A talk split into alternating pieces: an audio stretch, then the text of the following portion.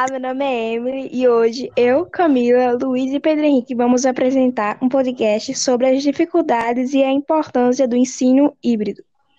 Mas primeiro, o que é ensino híbrido? É uma abordagem pedagógica que envolve momentos e atividades presenciais e à distância. As atividades devem ser complementares, de modo a favorecer o desenvolvimento dos estudantes, a personalização da aprendizagem e a promoção de sua autonomia. O ideal é que as atividades à distância sejam online, mas não é obrigatório No ensino híbrido, o conteúdo presencial precisa estar alinhado ao conteúdo remoto, online, diferente.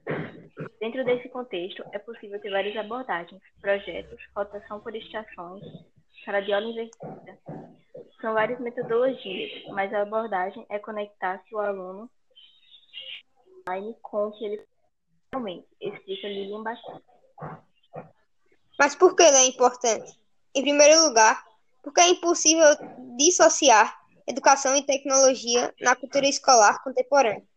Em segundo, porque é praticamente inviável traçar estratégias de retorno às aulas seguras. Do ponto de vista sanitário, sem que se estabeleça uma volta gradual dos alunos. Para além disso, podemos vislumbrar um futuro em que eventos que fogem do nosso controle não impedirão a continuidade de ensino, sejam eles de nível global, local ou até mesmo pessoal e familiar. Todos poderão ficar em casa e manter a qualidade de ensino e aprendizagem sem dificuldades ou lacunas de aprendizagem. E quais são as dificuldades de ensino híbrido? Para que o professor possa integrar tecnologia na forma de ensinar, precisa ter preparo para isso. Em geral, este é apenas familiarizado com as ferramentas digitais. Sem um domínio aprofundado delas, deixar cada um se vire.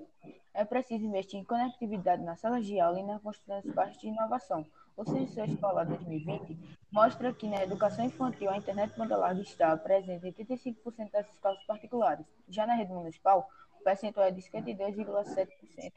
Por último, existe uma barreira cultural. O modelo de ter o professor na frente, expondo a matéria e os alunos enfileirados, escutando. Este formalmente este form fortemente implementado no Brasil, é preciso repensar as práticas pedagógicas.